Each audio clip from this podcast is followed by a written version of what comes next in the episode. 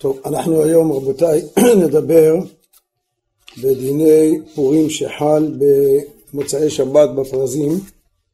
יש הרבה מאוד הלכות שנובעות למקרה הזה ואין לנו הרבה שיעורים כדי להשלים את זה אז אנחנו נדבר על זה היום בשיעור. דבר ראשון צריך לדעת שבשנה כזאת שחל אה, הפורים של הפרזים ביום ראשון, דהיינו במוצאי שבת ביום ראשון, הצום היה צריך להיות ביום שבת, בי"ג, אבל כיוון שלא מתענים בשבת, מזיזים אותו. תמיד כל צום שיוצא בשבת, דוחים אותו ליום ראשון, אבל זה צומות של פורענות. הקדום מפורענותה לא מקדימינן, לכן מעבירים את זה ליום ראשון. אבל הצום של אסתר, כיוון שזה. בתור שבח והודיה לקדוש ברוך הוא על נס ההצלה שהקדוש ברוך הוא עשה לעם ישראל, לכן מקדימים את זה ולא מאחרים.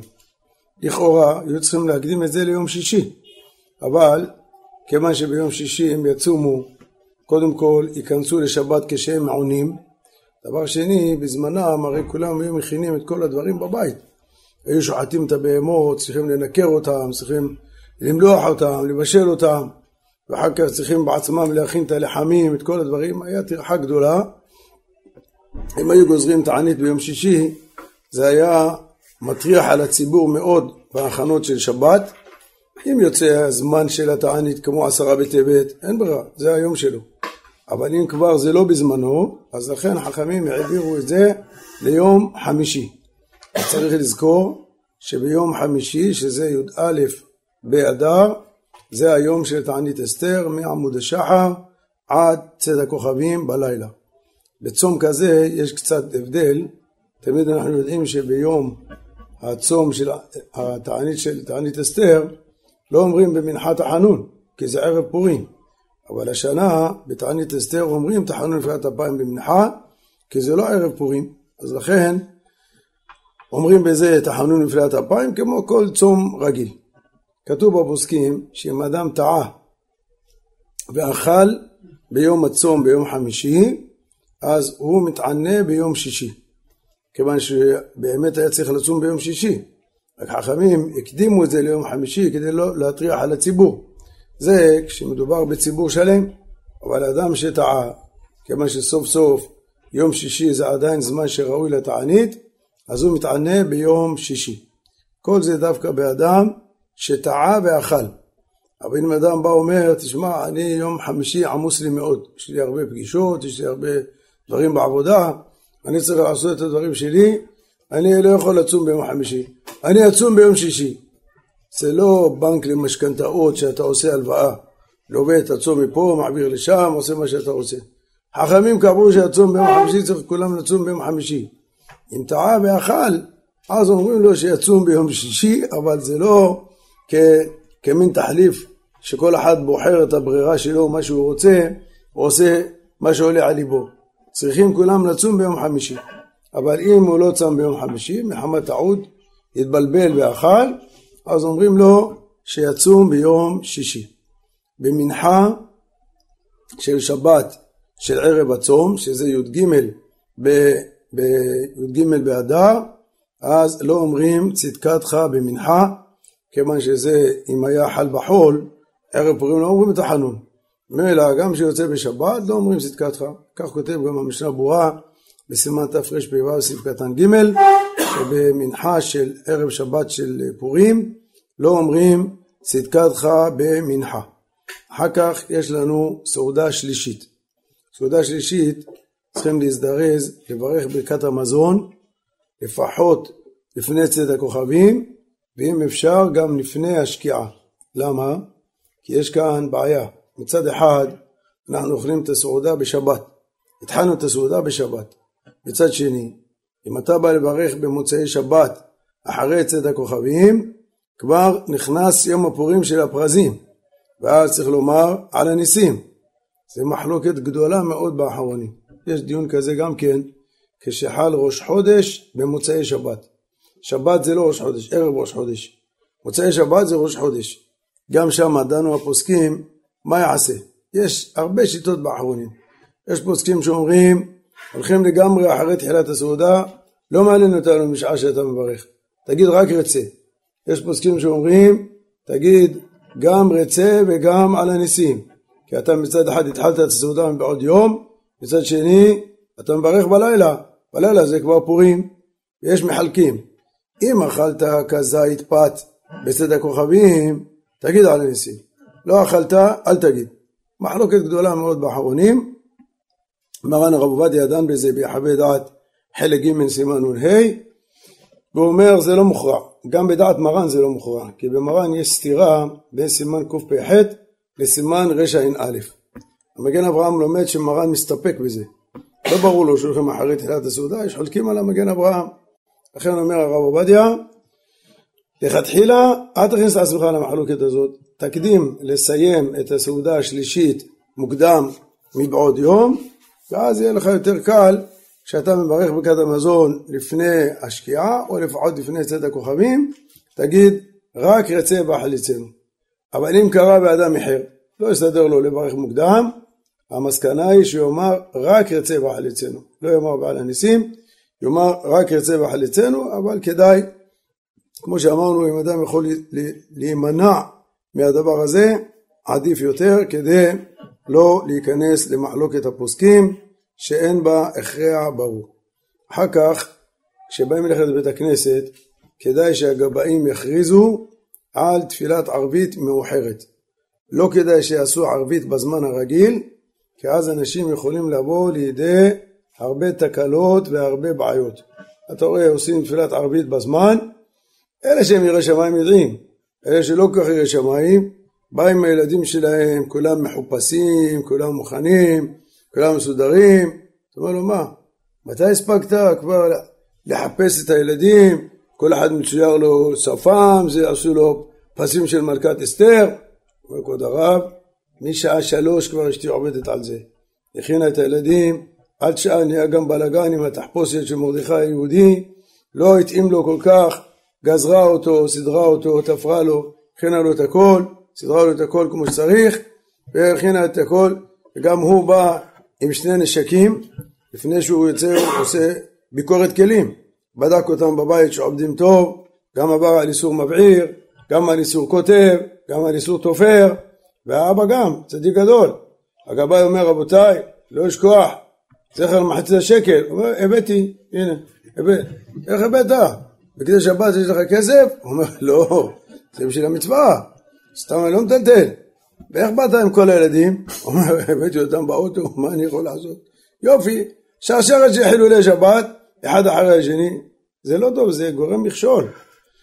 לכן, יותר טוב לאחר תפילת ערבית. מה, לאיפה אתה ממהר? יש לך לאיפה למהר? זה ליל פורים עכשיו, מה יש לך למהר? לכן כדאי שיודיעו מראש, תפילת ערבית מאוחרת קצת, אנשים יספיקו להתארגן, אחרי שיצא את השבת, יגידו ברוך המתים בקודש לחול, יתארגנו, יבואו לבית הכנסת מסודרים ומוכנים. אדם שרוצה להביא את המגילת אסתר איתו לבית הכנסת מבעוד יום. יש כאן בעיה של הכנה. אתה מכין משבת לחול. למה אתה מביא את זה? אתה רוצה לקרוא את המגילה בלילה. אתה מכין את זה משבת לחול, זה אסור. אז מה יעשה? הפתרון הטוב ביותר, שיביא את זה מערב שבת וישמור את זה במקום מוצנע בבית הכנסת שיהיה מוכן ומזומן לו לצורך מוצאי שבת. זה הפתרון הכי טוב. אבל אם הוא לא יכול, לא יכול לעשות את זה, כותבים הפוסקים שיחכה שיגיע צאת הכוכבים, יאמר ברוך עומדים מקודש לחול, ואחר כך יביא איתו את המגילה. אומר לו, יגיע צאת הכוכבים, אני לא שואל אותך, אני יודע שאני אביא את זה אחר כך. אפשר להביא את זה יותר מוקדם. אומר מרן הרב עובדיה, גם אם הוא יביא את זה בבין השמשות ויסמוך על הפוסקים שמתירים שבות במקום מצווה לצורך מוצאי שבת, אז האיסור פה זה איסור דרבנן של הכנה, ויש לו צורך גדול. אין לו דרך אחרת, זו הברירה היחידה שיש לו, אומר הרב, גם בבין השמשות, מי שמקל יש לו על מה לסמוך, שיביא את זה איתו בבין השמשות, לא יהיה לו כל כך בעיה של הכנה, כי סוף סוף הוא עושה את זה לצורך מצווה. אבל אם הוא אומר לך, תשמע, אני יוצא מוקדם, אני הולך למנחה, סעודה שלישית וערבית. מה עכשיו אתה אומר לי השמשות? אני יוצא מוקדם מהבית, רוצה לקחת את זה איתו, קודם כל צריך לראות אם יש שם עירוב כהלכה. אם אין עירוב כהלכה, אז על מה יש לדבר פה? אתה מדבר איתי על איסור הכנה? אסור לטלטל את זה בכלל, להוציא את זה לרשות הרבים. מדברים במקום שיש עירוב טוב, שיכול לסמוך עליו לפי ההלכה, לטלטל את זה ברשות הרבים, והוא מביא את זה בעוד היום גדול, וכשהוא מגיע ישר ילמד במגילה. כשהוא מביא את זה איתו, יפתח את המגילה וילמד בה קצת. זה, יש פוסקים שמקלים בזה, זה לא פשוט, כי זה הערמה ניכרת. מה אתה עכשיו מביא, פתאום התחלת ללמוד מגילה מתוך מגילה? אתה רוצה ללמוד מגילה? אדרבה, קח מגילה של נייר, כל חומש שמות יש בסוף מגילה, מגילת אסתר. תקרא, יש שם טעמים, יש שם ניקוד, יש הכל. אתה קורא במגילה, מה יש לך ללמוד במגילה? אין שם כלום, זה בלי טעמים, בלי ניקוד, בלי שום דבר. מה אתה לומד במגילה? אם יש שם איזה סופר סתם, נמצא בבית הכנסת, תגיד לו בוא, תגיד לי קצת הלכות של הלכות סתם. תגיד לי, מה, מה מיוחד במגילה? מה צריכים להיזהר? מה צריכים להקפיד באותיות? איזה אות היא בעייתית? איזה... אני אלמד אותו קצת הלכות סתם, ניחא. אבל אם סתם מביא את זה, קורה, ויהי במחש בראשו, חש בראשו, באמת, עכשיו פתאום החלטת לקרוא מגילה, מה קרה לך? זה הרמה ניכרת, בסדר. אם יש לו צורך גדול, אז יעשה בדרך הזאת. יש שאלה בפוסקים, אם בכלל מגילת אסתר היא לא מוקצה. כי לכאורה, היינו צריכים לומר שסתם מגילת אסתר היא מוקצה מחמת חסרון כיס. המגילות היום הן יקרות מאוד, מגילה באמת טובה, איכותית, כמו שצריך, היא מגילה יקרה, היא עולה הרבה כסף, מגילה עולה הרבה כסף. יש כאלה אומרים לך, לא, כבוד הרב, אני אמצא לך מגילה זולה בחצי מחיר ממה שאתה אומר. נכון, אנחנו מכירים את המגילות האלה. של מי זה? כל הסופרים המתחילים, שמתחילים ללמוד סתם, אומרים להם, תתחילו במגילה. אל תרתור תפילין, מזוזות, דברים קשים, יהיה לך תקלה, אין לך לתקן את זה. יש שם שם שמיים, צריך להיות כסדרן, זה בעיה. מגילה, אין בה שם שמיים ולא צריכה להיות כסדרן, זה אפילו יותר טוב מספר תורה. אז הם מתחילים במגילה, אבל הם מתוחבלים, הם לא מתחילים את המגילה מי ויהי בימי אחשוורוש. הוא מתחיל את המגילה מפרק ד', פרק ה', כותב שני פרקים, אחר כך חוזר לכתוב ויהי בימי אחשוורוש.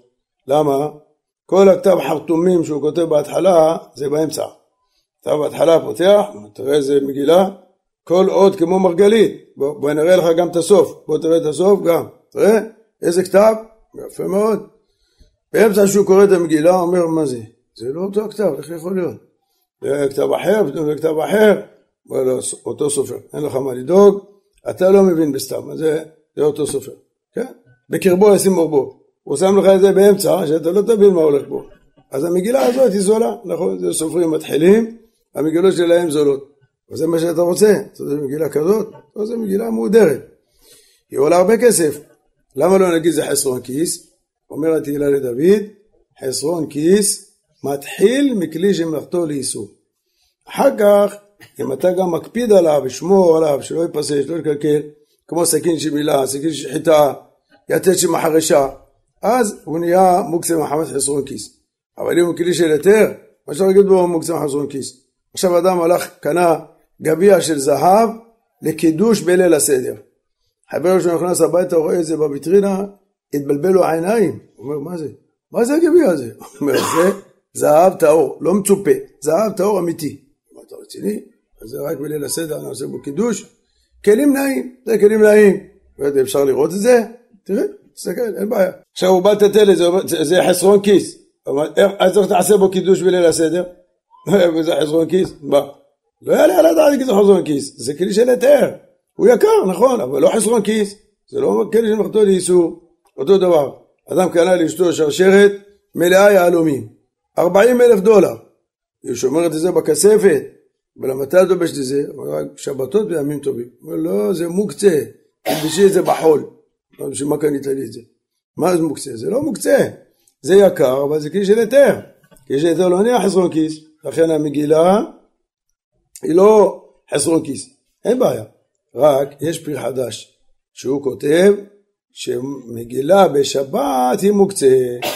באים הרבה אחרונים ואומרים הפרי חדש דיבר דווקא על פורים שחל בשבת, כמו פורים של המוקפין, יכול להיות לפעמים שיצא בט"ו ויצא בשבת, זה פורים המשולש. ואז הגמרא אומרת שלא קוראים את המגילה בשבת. למה? הכל חייבים בקריאתה ואין הכל בקיאים בקריאתה. ייקח את זה אצל החכם שילמד אותו, אין שם עירוב, הוא יעבור על איסור טלטול. והוא הדין בלולב והוא הדין בשופר. חל יום הראשון בשבת, לא תוקעים ולא מטלטלים את הלולב. שמא ילך אצל החכם שילמד אותו. אז גם המגילה, יש חשש שילך אצל החכם וילמד אותו. אז הם העמידו שהפרי חדש דיבר על השבת הזו, שחל בה פורים, עכשיו אתה רוצה לטלטל את זה, אומר זה אסור. למה? שמא תוליך את זה אצל החכם שילמד אותך. אבל שאר שבתות גם הפרי חדש מודה, שזה לא מוקצה. מגילה לא מוקצה, מותר לטלטל אותה. עכשיו השבת הזאת, זה ערב פורים, זה לא פורים. פורים יוצא י"ד ביום ראשון, ט"ו ביום שני. אין פה בשבת, אין, זה לא פורים. אז במקרה כזה אין איסור לטלטל את המגילה מצד דיני מוקצה, היא לא מוקצה. היא כמו כל השבועות הרגילות, שלא לא מחשיבים אותה כמוקצה, לא מחמת חסרון כיס ולא מסיבה אחרת. מותר לטלטל את המגילה מצד דיני מוקצה. רק נשאר לנו הבעיה, טלטול ברשות הרבים במקום שאין עירוב, והבעיה של ההכנה. כמו שדיברנו, אז לכן כל אחד ייתן דעתו איך הוא עושה כדי לפתור את כל הבעיות האלה. אמרנו שהעצה הטובה ביותר זה שאדם יביא איתו את המגילה בערב שבת, יצניע אותה בבית הכנסת, ואז תהיה לו את המגילה מוכנה לצורך אה, מוצאי שבת, בלי להיכנס לבעיה של, ה... לבעיה של, ה... של ההכנה. עכשיו, בתפילת ערבית, הספרדים נוהגים להתחיל את התפילה במזמור למצח על איילת השחר, אחר כך מתפללים ערבית, אומרים אתה חוננתנו מצד המוצאי שבת ועל הניסים. מצד הפורים, צריך לזכור, כבר מתחילים לומר על הניסים, צריך לומר את זה, ואפילו שעוד לא קראנו את המגילה, מה זה קשור? קרא מגילה זו עוד מצווה ששייכת לפורים, אבל כבר נכנס היום, אתה עכשיו בליל פורים, צריך לומר ועל הניסים. אחר כך אומר חצי קדיש, אומרים שובה, יושב בסתר, עד ואתה קדוש. שם עוצרים וקוראים את המגילה. שם, במקום הזה, הבית יוסף בסימן תרצ"ג הביא בשם הכל בו, שאומר שצריכים לקרוא, לברך על הנר במוצאי שבת לפני שקוראים את המגילה. למה? אומר, איך תהנה לאור הנר ועוד לא בירכת עליו? צריך לברך עליו קודם.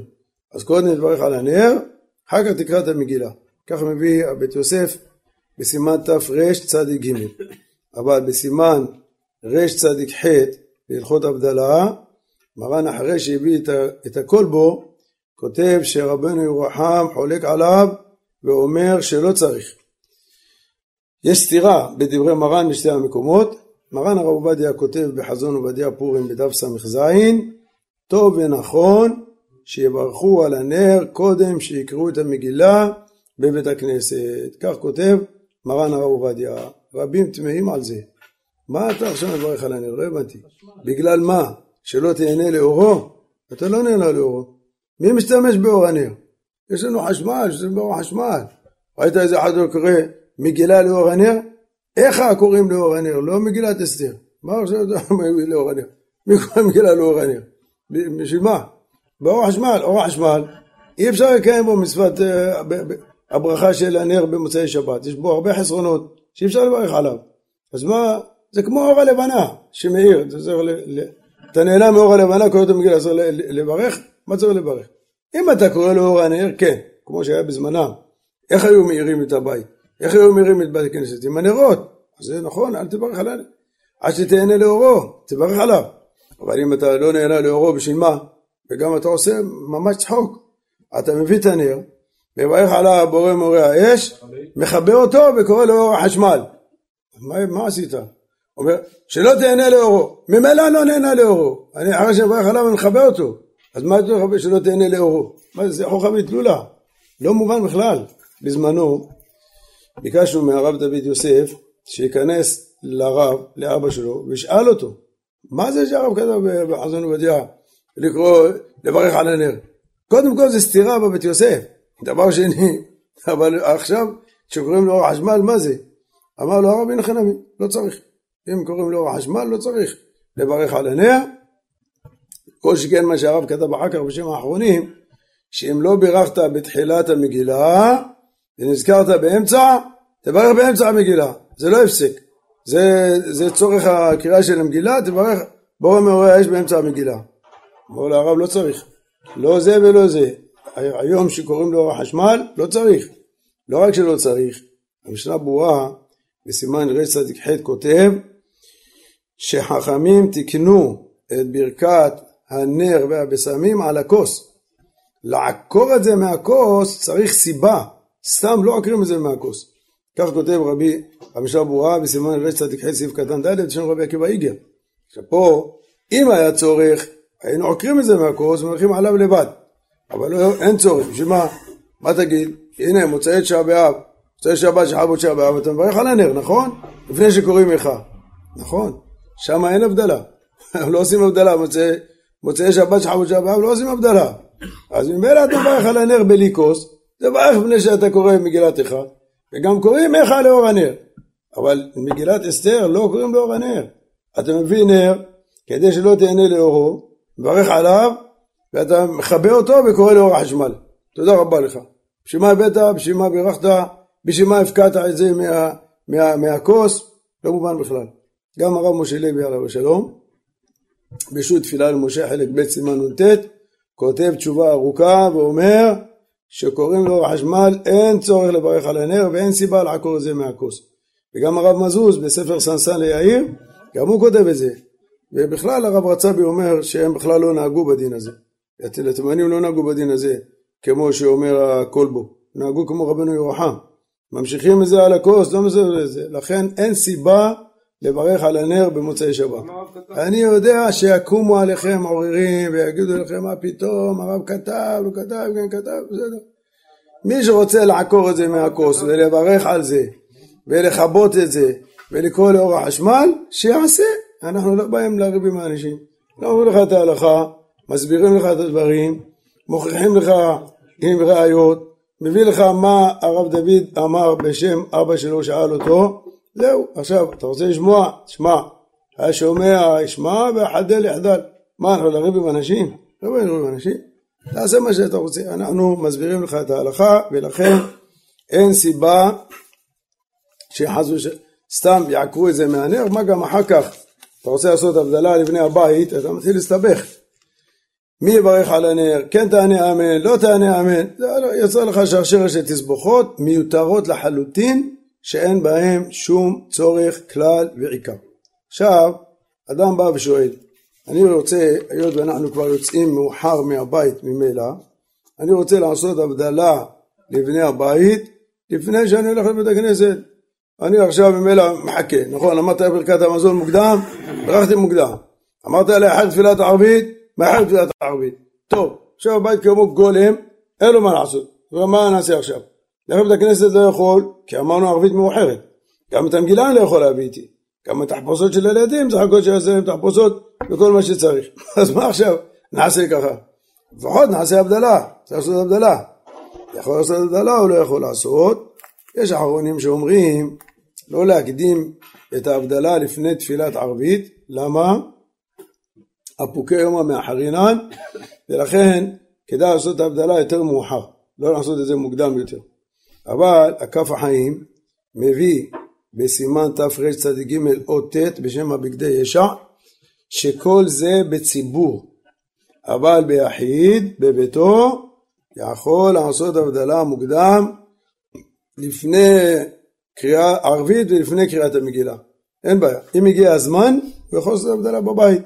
לכן, אם יותר נוח לו לעשות הבדלה בבית לפני שהוא הולך לבית הכנסת, הגיע כבר הזמן, יצא השבת, אפשר לעשות הבדלה, אין בעיה, יכול לעשות להם הבדלה, ויוציאו אותם מידי חובה, ככה הוא גם מסודר עם הנר, הוא גם מסודר עם ההבדלה, זה גם קצת מקל על בני הבית שהם יכולים לאכול ולשתות. עד שהוא ילך להתפלל ערבית, עד שיקראו את המגילה, עד שיחזור הביתה, משאיר אותם שמה, ככה רעבים גם שבעים נפשם בהם תתעטף לא כל כך רעבים וצמאים, בוא, עכשיו אכלו סעודה שלישית, מה זה צריך לרעבים גם צמאים, זה לא עד כדי כך השאיר אותם. שנה רגילה זה צום, זה מוצאי הצום, הנה חינמי, שם מזרזים כמה שיותר לעשות, לפתוח להם את הצום, נכון, אבל זה לא צום, שבת, אכלת שלוש סעודות, נהיית דובון כמו שצריך, מה עכשיו אתה, אתה יושב בסעודה שלישית, או כפרת עוונות, לא יכולים לאכול, כמה אכלנו, עוד לא עבר זמן מהסעודה השנייה, עוד עוד, מקטר מקטר. אחרי שהוא גומר, מה, אתה משאיר אותנו ככה עד שתחזור? מה? מה, הרגע אתה אמרת שאתה לא יכול, בקושי אתה אוכל סעודה שלישית, פתאום נהיית רעב, תוך חצי שעה נהיית כל כך רעב, מה קרה? אה, זה לא כזה נורא, אבל אחרי הכל, אם הוא רוצה לעשות הבדלה מוקדם, יכול לעשות, אבל צריך להזהיר אותם שיזהרו לו לאכול יותר מקבצה, לא עוגות ובטח לא פת, כי הם חייבים בקריאת המגילה. אסור לפני קריאת המגילה לאכול יותר מקבצה אכילת קבע של פת, עוגות, פסטות, דברים של מעין שלוש, אסור לאכול. אז לכן הזהירו אותם, תשימו לב. רוצים לשתות כוס קפה, רוצים לשתות כוס תה, רוצים, לא יודע, קצת דברים ככה, פירות, דברים כאלו, אין בעיה. אבל לאכול אכילה של קבע אסור, בגלל שהם צריכים גם כן לשמוע מגילה, גם נשים חייבות בדין הזה, בין במקרא המגילה, בין באיסור לאכול לפני המקרא המגילה. אז לכן, הזהיר אותם שהם עדיין מוגבלים עם זה, אבל מצד ההלכה הוא יכול לעשות את ההבדלה מוקדם יותר וללכת לבית הכנסת. גם אדם שמוציא את השבת בדרך כלל כמו רבנו תם, הוא שואל, אני יכול לעשות הבדלה בזמן של הגאונים או לא? התשובה היא כן. גם מי שמחמיר כמו רבנו תם, אין לו בעיה לעשות הבדלה בזמן של הגאונים, חוץ מהדלקת הנר. הדלקת הנר זה דאורייתא, והוא מחמיר כמו רבנו תם, הוא לא עושה מלאכות דאורייתא. אז הוא לא יכול להדליק את הנר, אז ייתן למישהו שלא מקפיד על רבנו תם, נגיד אשתו, יבוא, אני לא עושה רבנו תם. אז יכולה להדליק לו את הנר, או קטן, מישהו קטן בבית, ידליק. מרן הרב עובדיה ככה היה עושה כל מוצאי שבת. הוא היה מתפלל בזמן של הגאונים, בסוף התפילה הרב עצמו היה עושה את ההבדלה. אבל היה נותן לאחד הנכדים שלו שידליק את הנר ויחזיק את הנר, והרב היה מברך עליו בורא מאורי האש בזמן של הגאונים לפני רבנו. כי זה רק ליהנות, ליהנות מההבערה שלו. זה מותר, זה הנאה, זה יסוד הרבנן. אז הרב היה עושה את ההבדלה, היה מברך על הנר, הילד היה מדליק את הנר ומכבה את הנר, ומחזיק את הנר גם כן, טוב, אין בזה בעיה.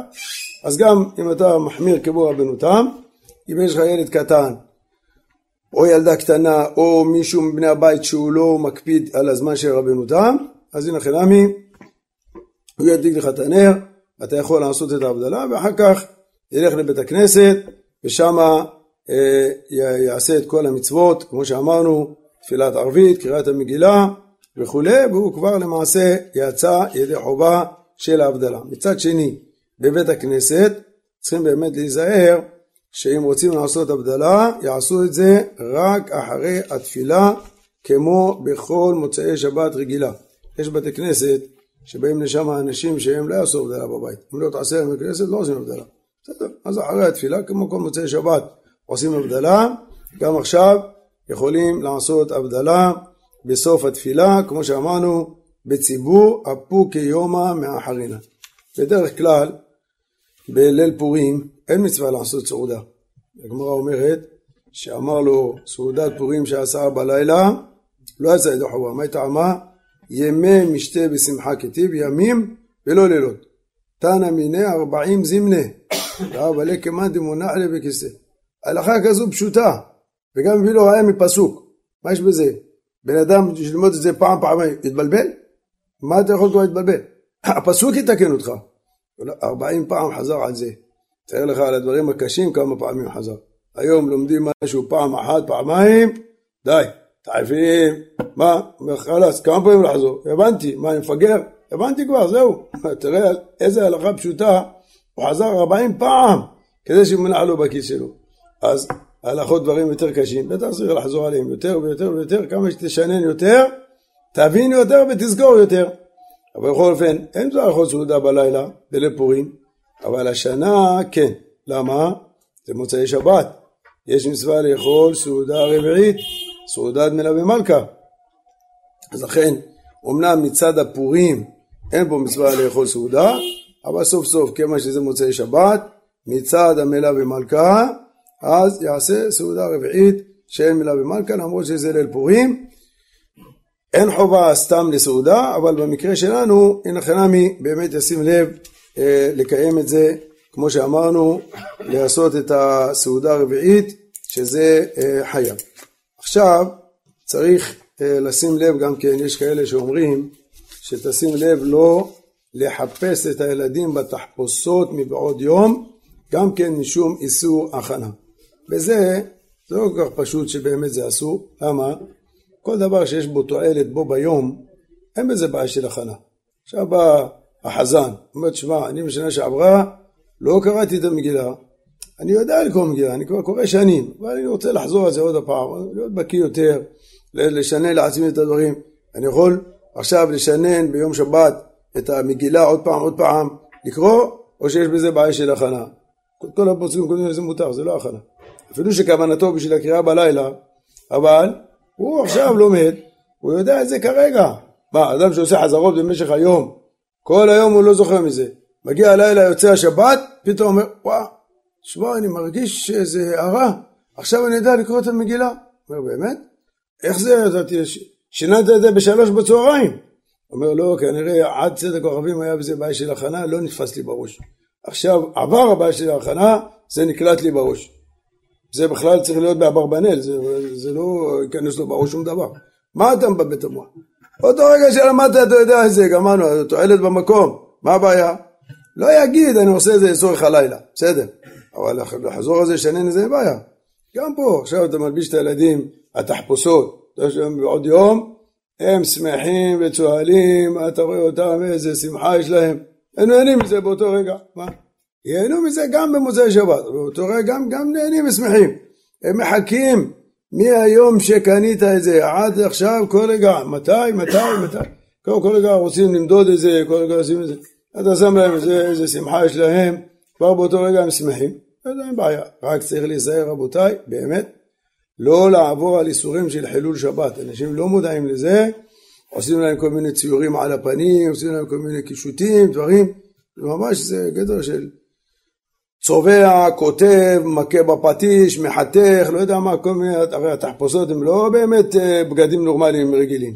יש בהם כל מיני דברים שהם לפעמים תיקונים ודברים כאלה, צריך להיזהר לא להיכשל בדברים האלה בכלל, כי באמת יש כאן אה, בעיה מצד ההלכה, אבל מצד ההכנה לא נראה שיש בזה בעיה, בעיה של הכנה אם אתה מלביש אותם מבעוד יום בתחפושות. קריאת המגילה כל אדם חייב לקרוא או לשמוע את המגילה מפי אדם בר חיובה שקורא מתוך מגילה כשרה פעם אחת בליל פורים, פעם אחת ביום פורים. קריאת המגילה של לילה, זמנה כל הלילה מצאת הכוכבים עד עמוד השחר, קריאת המגילה של יום, זמנה כל היום מהנץ לכתחילה עד שקיעת החמה. אז כל אחד צריך לשים לב, לקרוא את המגילה בין בלילה בין ביום, או לשמוע אותה מפי אדם שהוא בר חיובה, שיוציא אותו ידי חובה. מה נפקא מינה שאתה אומר זמנה כל הלילה, או זמנה כל היום, נפקא מינה באדם שהיה אנוס בתחילת הלילה. החיילים, השם ישמור אותם, הם נמצאים, יש להם כל מיני פעילויות, כל מיני דברים, חזרו בשעה שלוש בלילה. לקרוא מגילה עכשיו, איזה מניין יש? אין מניין. כל המניינים קראו, קראו, התפללו. עכשיו נקרא מגילה או לא? כן, עד שלא עלה עמוד השחר, הם צריכים לקרוא מגילה. אז יראו שיהיה להם מגילה כשרה בהישג יד, מישהו שיודע לקרוא, יקרא להם ציוד תלמידי חובה. באותו דבר ביום, אדם עובד באיזה מקום, יש לו בעל הבית, רע מצורע. אומר לו, תשמע, אם אדם מחר תאחר, אני אפטר אותך. תבוא בזמן, יש הרבה עבודה, היום פורים יש עבודה יותר. תבוא בזמן. אני אקרא מגילה ויבוא. שום פנים באופן לא. מסכן, לא היה לו ברירה, ברח, באמצע התפילה ברח, הלך לעבודה, לא קרא מגילה. עכשיו הוא בא בשעה ארבע אחרי צהריים, ותגיד, אני חייב מגילה, כולם כבר קראו בבוקר, מה זה קשור? קראת מגילה של יום כל היום, אז הוא צריך למצוא מגילה ולקרוא לצאת ידי חובה. יש טעות מושרשת להרבה אנשים, הם חושבים אם אתה קונה מגילה כשרה מהודרת על קלף, אוטומטית אתה נהיה בעל קורא. זה אוטומטי. זה, יש גם מקומות כאלה שהסופר סתם מחבר לך פלאג מהמחשב למוח ואתה אוטומטית נהיה בעל קורא. אתה יודע לקרוא נכון, הכל בסדר, הוא חושב שנהיה בעל קורא. זה לא נכון, והרבה אנשים לא יודעים לקרוא נכון, והם חושבים שהם יודעים. מה אומר לך? אה, כבוד הרב, מה נראה לך? אני קורא לאשתי, אם יש איזה טעות או משהו, היא מחזירה אותי. מה הבעיה? יש לה מגילה של נייר ביד, עם הניקודים, עם הכל, היא מחזירה אותי, אם יש בעיה, מה הבעיה? היא מחזירה אותך? מצוין. איך אתה קורא? בערב היא באה, בבוקר היא שווה. או אתה קורא, בערב היא באה, בבוקר היא שווה. איך אתה קורא? ומה אתה צוחק עליי? מה זה באה, באה, זה אותו דבר, מה? זה לא, מה ההבדל בין זה לזה? זה, אני, אני אמרתי בואו, אני אמרתי באה, מה, מה זה משנה? ולא אדוני. באה זה בהווה, באה זה בהווה, באה זה בעבר. אתה משנה את המשמעות, זה לא איזה חובה בזה. אומר, אל תדקדק כל כך אה, עלינו. בסוף היא באה, מה נפקא מינה, זה בא ככה, היא באה בסוף, יאללה, תעזוב עכשיו, אמר לי, באה, באה, זה בסדר. אשתו תחזיר אותו על זה? אשתו בעצמה לא יודעת. איך היא יודעת? בכלל, לפי הרב מזוז, שיהיה בריא, שם יש לך דברים, הוא אומר, אם אתה קורא על רצפת בת ושש במקום רצפת בת ושש, הוא אומר זה טעות שמחזירים עליה. למה? אומר בלשון התנ"ך, רצפה זה גחלת. כתוב שהנביא אמר לשון הרע על, על עם ישראל. אז בא, שלח לו מלאך, ובידו רצפה ויגע על פי. נגע לו בפה שלו, אמר לו, מה אתה מדבר על עם ישראל לשון הרע? נגע לו עם הגחלת בפה. זה רצפה, זה גחלת. עכשיו אתה אומר, רצפת בת ושש, זאת אומרת שאחשוורוש הביא את כל האורחים שלו, עשה אותם שישליק על הגחלים, צלה את כל האורחים שלו. זה טעות, צריך להגיד רצפת בת ושש. כמה אנשים יודעים את זה? אומר, על ההתחלה, ואחשוורוש, המולך מהודו ועד כוש, שעושה המדינה, אומר המולך, מולך זה עבודה זרה. המולך, מולך זה מושל, אתה טעית. מה כבוד הרב? מה אתה מדבר? אני עוד זוכר את סבא שלי היה קורא המולך. עכשיו אתה בא לתקן אותי? אז אם סבא שלך לא יצא ידי חובה, ואבא שלך לא יצא ידי חובה, אתה צריך להמשיך במסורת אבותיך? גם כן לא לצאת ידי חובה. זה שינוי משמעות, ויש מלא מילים כאלה. כמה אנשים יודעים את זה? לא, אנשים לא יודעים את זה. ממילא, הוא קורא את המגילה, חושב שהוא יצא ידי חובה, חושב שהוא קורא נכון, וזה טעות. לכן אנחנו אומרים תמיד, גם אם יש לך מגילה כשרה ומהודרת והכל, תשמע מהחזן צא ידי חובה. וגם אם תשלח, תשלח אותה בבית הכנסת, תשמע מהחזן. בכלל יש הרבה פוסקים שאומרים שגם בנשים יש מצווה ברוב עם הדרת מלך. לכת לשמוע בפרהסיה. לא רק הגברים, כי הן חייבות במצווה, והן חייבות בפרסום מניסה. למה אומרים ברוב עם? שום פרסום מניסה. נו, היא חייבת בפרסום מניסה. לכן, יותר טוב שהיא תלך לשמוע מגילה בבית הכנסת. מרן הרב עובדיה עשה תקנה נפלאה. הוא עשה תקנה שנשים לא באות לבית הכנסת בשעת קריאת המגילה וכל העזרת נשים נהיה כמו קופסת סרדינים. בלאגן שלם, ילדים, תינוקות, עגלות, דוחס, בלאגן, הם לא שומעים איך זה דוחבה. בקושי הגברים שלנו, נשים יכולות. אז מה עשה הרב? אמר לו, יעשו מניינים מיוחדים של מקרא מגילה לנשים, וכך עושים היום כמעט כל הבתי כנסת. קוראים לגברים, אנשים נשארות בבית, שומרות על הילדים, מסיימים, הבעלים באים, שומרים על הילדים, ונהפוך הוא, והן הולכות בבית הכנסת, וקוראות את המגילה, ככה שומעות יפה, שקט, אין הפרעות, אין ילדים, אין בלאגן, עושים את החובה. רק הגבאי צריך להיות חכם. להביא להם בעל קורא, טייס מחיל האוויר. הכי מהר שיכול להיות. בא אחד אומר, אתה יודע כבוד הרב, אני השנה, אתה לא יודע מה עשיתי, הפכתי עולמות, עולמות אני הפכתי בשביל הקריאת מגילה של אנשים. ומה עשית?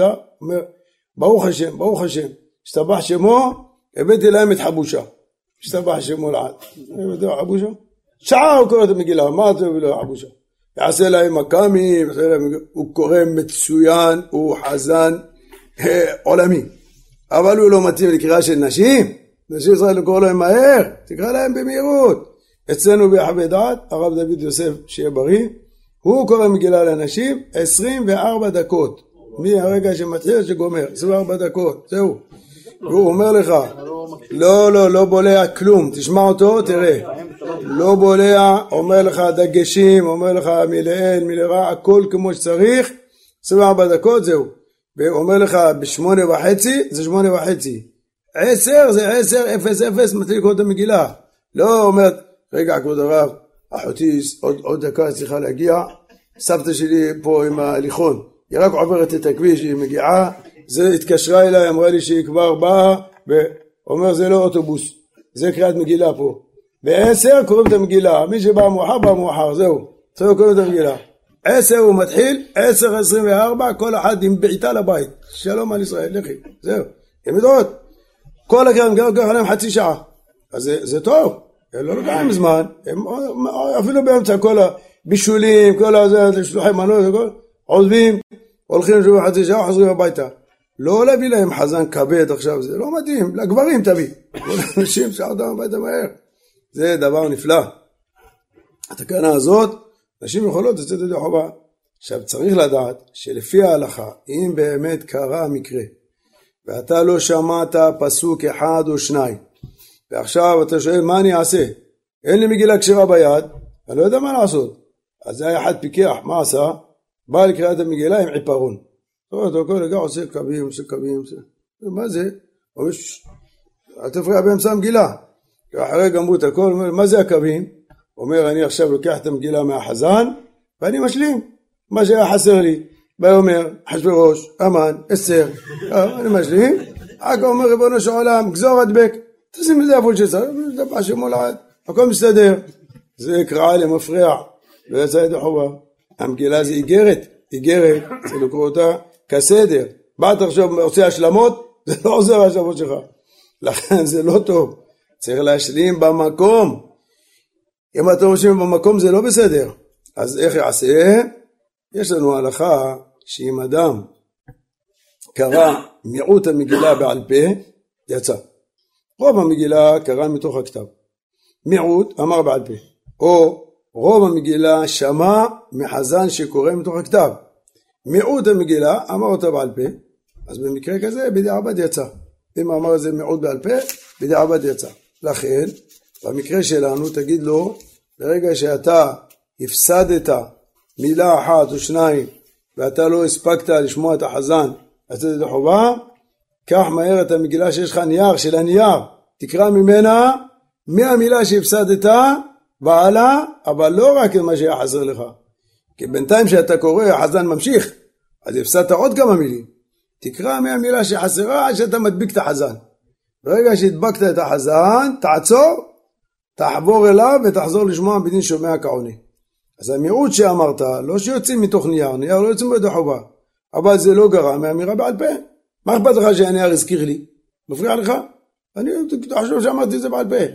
אמר בעל פה, מיעוט המגילה יצא. אז לכן, זה הדרך לתקן. ברגע שחסר לך, לפעמים יש רעש, לפעמים נרדם.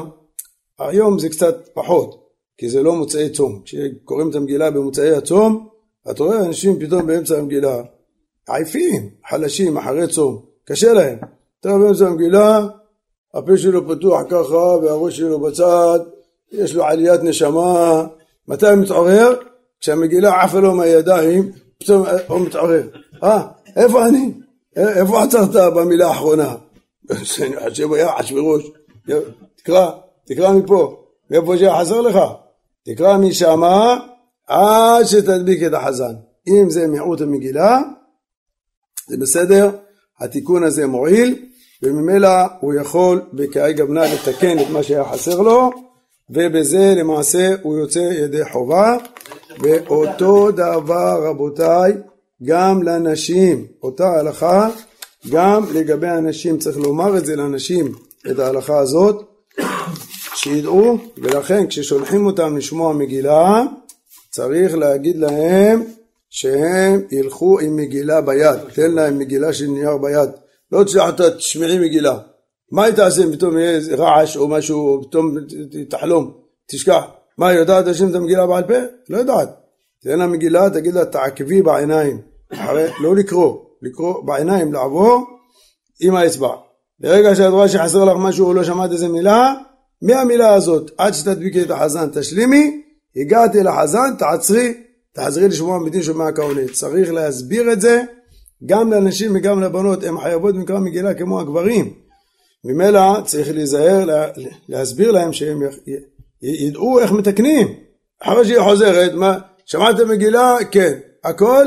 פחות או יותר. מה זה פחות או יותר? מה, רק שני פסוקים היה חסר. לא יצאתי את החובה.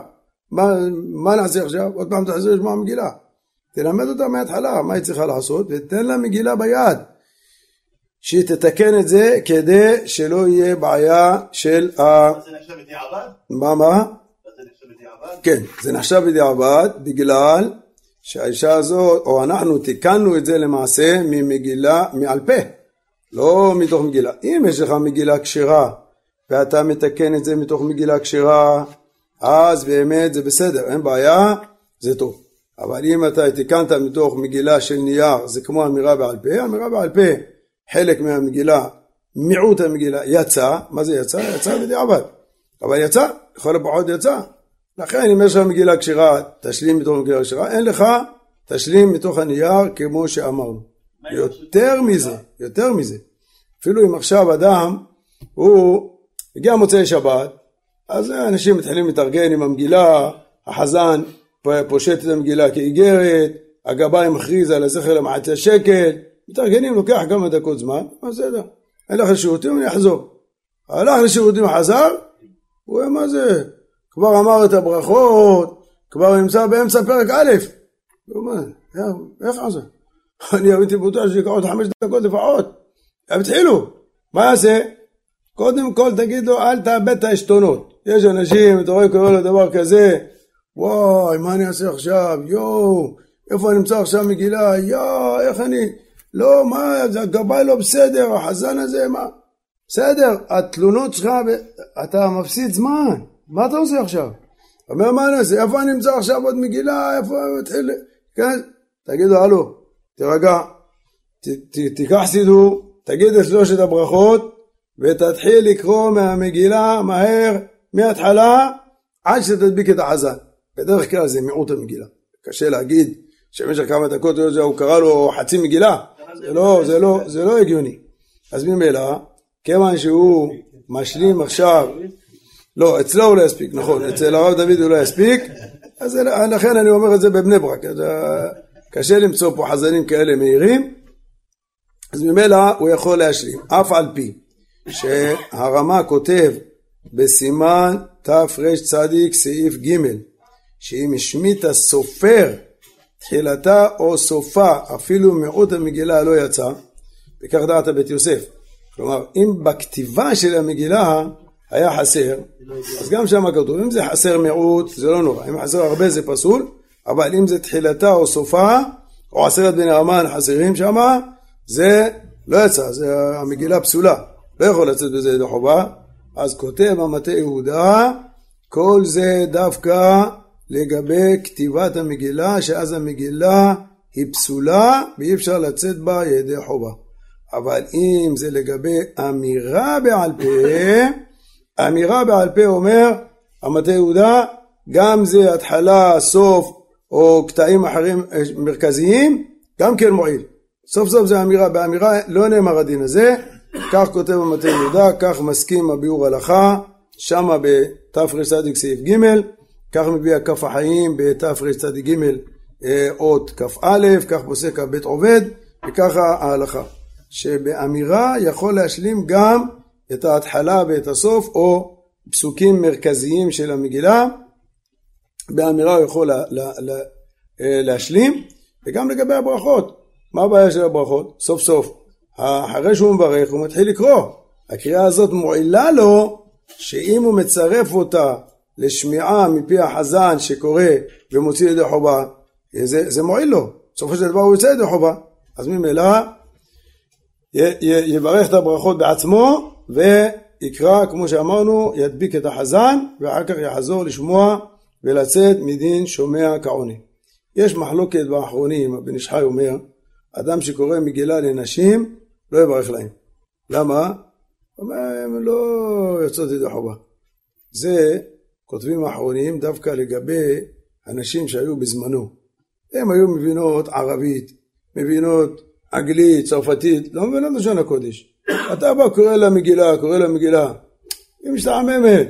אתה רואה פתאום באמצע המגילה, הסבתא ישנת, אומר לה, אה, אה, סבתא, אה, כפרה עליק, איפה הגעת? אני כבר באמצע, תמשיך, תמשיך.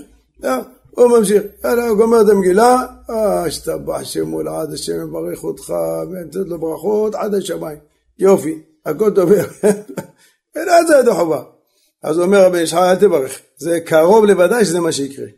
אומר הרב עובדיה היום בימינו, שאנשים חכמות, נבונות, מבינות לשון הקודש, יש להם מגילה ביד, יודעות לקרוא, יודעות לכתוב, מה הבעיה? שומעות מהתחלה ועד הסוף, אפילו מתקנות את החזן, מה, מה הבעיה? לכן הוא אומר, יברכו להם. אבל הברכה האחרונה, כותב הרמה, צריך שיהיו עשרה. למה? משום פרסומי ניסה. יש חולקים על זה. רבי ישחי אומר שלפי דעת המקובלים זה ברכה אחרונה, יברך אותה גם ביחיד. וככה הוא פוסק, וגם חכם בן ציון מסכים איתו, אבל מרן הרב עובדיה לא מסכים עם זה. הרב עובדיה אומר, סוף סוף יש ירושלמי שאומר שצריך עשרה, והרמה פסק אותו, כמה עליה ספק ברכות להקל, אפילו נגד המקובלים. לכן הרב עובדיה אומר, דווקא אם יש עשרה, אז יברכו ברכה אחרונה. אם לא, יגידו אותה בלא שהוא מלכות, רק הוא מחדש, שאם יש עשר נשים, גם יכולים לברך את הברכה האחרונה. למה? כי זה לא עניין של דבר שבקדושה, כמו קדיש, קדושה, ברכו. פה זה בסך הכל פרסומי ניסה. נשים חייבות במצווה, פרסומי ניסה.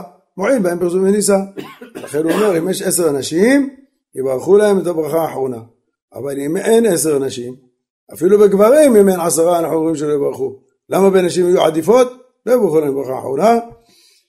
אבל הברכות הראשונות אין בעיה, יברכו. יש הבדל בין הספרדים לאשכנזים לגבי ברכת שהחיינו ביום. מרן סובר שהם מברכים שהחיינו רק בלילה, ביום לא חוזר לברך שהחיינו.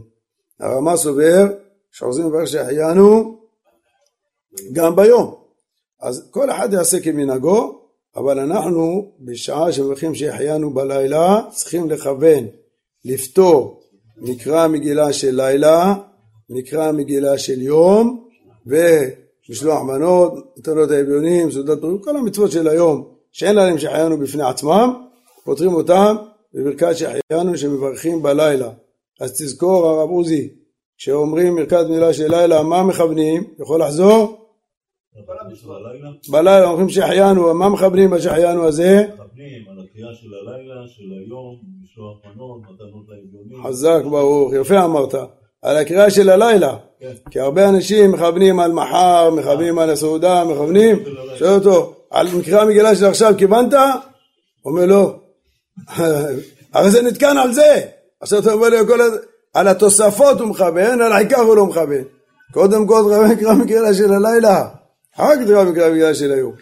וצריך ללמד את הילדים, רבותיי, לא לעשות רעשים, לא להשתמש בנפצים, זה חינוך גרוע מאוד, וזה מסוכן, זה דבר לא טוב. ילדים איבדו עיניים, איבדו אוזניים, נשרף להם האצבעות, נשרף להם הבגדים, דברים נוראים. ונשים, נשים מעוברות יכולות להפיל מהפיצוצים האלה. זה דברים מסוכנים. לכן כל אחד ישמור על הילדים שלו. בזמנו הרב ווזנר עליו השלום מוציא קול קורא, וחתמו על זה כל הרבנים של בני ברק, שאם אתה מכיר אחד שהוא מוכר נרפצים, תמסור אותו למשטרה. עד כדי כך. זה כל כך חמור. לכן כל אחד ישמור על הילדים שלו, וגם צריך שיהיה שקט בקריאת המגילה. באנו לצאת ידי חובה, לא לעשות פיצוצים. יש מקומות, אי אפשר, אי אפשר לעשות ידי חובה, זה נהיה שם חוכא ואטלולא. כל אחד, כל המרבה מחברו משובח מחברו, מביא פיצוצים, מביא... אתה יושב בקרוא את המגילה, אתה בפחד כל רגע, זורק נפצים למטה, זורק נפצים למעלה, מעיף מפה, מעיף משם, אתה לא יכול לשבת. פעם היו מביאים ברזל כזה עם, המסמר, אתה זוכר את זה? עם הגפרורים, כן? לוקח את זה, באם, נותן על הרצפה, איזה פיצוץ עושה? כל אלה שתי מטר מסביבו, חצי שעה, דום, לא שומעים כלום. ועכו אומר לחז"ל, למה אתה לא קורא? אומר לו, מה לא קורא? לא שומעים שום דבר. איך ישמעו את זה, פיצוץ עושה? משהו נורא ואיום. זה לא בסדר הדברים האלה. היה שנה אחת, הרב עובדיה בא לקרוא מגילה ביחווה דעת. כולם באו לשמוע. אז הוא לפני, לפני שקרא את המגילה נתן הרעות, אמר אני מקווה שתדעו לחובה, תקבלו לצאת ידי חובה, טענו אמן, או לברוך ברוך שמו, לכוון בשהחיינו, את כל ההלכות, אחר כך אמר תשמעו, אני לא מרשה לעשות פיצוצים בכלל, אפילו לא באמן הראשון, לא באמן האחרון. וילד אחד שיעשה פיצוץ, אני אזרוק אותו ואת אבא שלו מכל המדרגות למטה. אתה יודע מה זה, כזה דבר? כל אחד תפס את הבן שלו, שם אותו עם הפנים לקיר ידיים למעלה, בדק את כל הגוף שלו ככה. מכף רגל ועד ראש, שיהיה סטרילי לגמרי, שלא יהיה לו כדור טועה אחד. תאר לך שהרב זורק אותו במדרגות למטה, הוא נהיה סיר לעזאזל, מה? מי מוכן לעשות דבר כזה? שקט מההתחלה ועד הסוף, מה קראת המגילה? שום רעש, שום פיצוץ. זה, עכשיו לא כל בתי כנסת יכולים לעשות את זה, נכון, אבל אחרי הכל, זה לא, מה זה? פורים זה לא, זה לא קרנבל. ובאים גם לעשות את זה חובה ולשמוע, זה מפריע, זה לא טוב. לכן, כל אחד ישמור על הילדים שלו.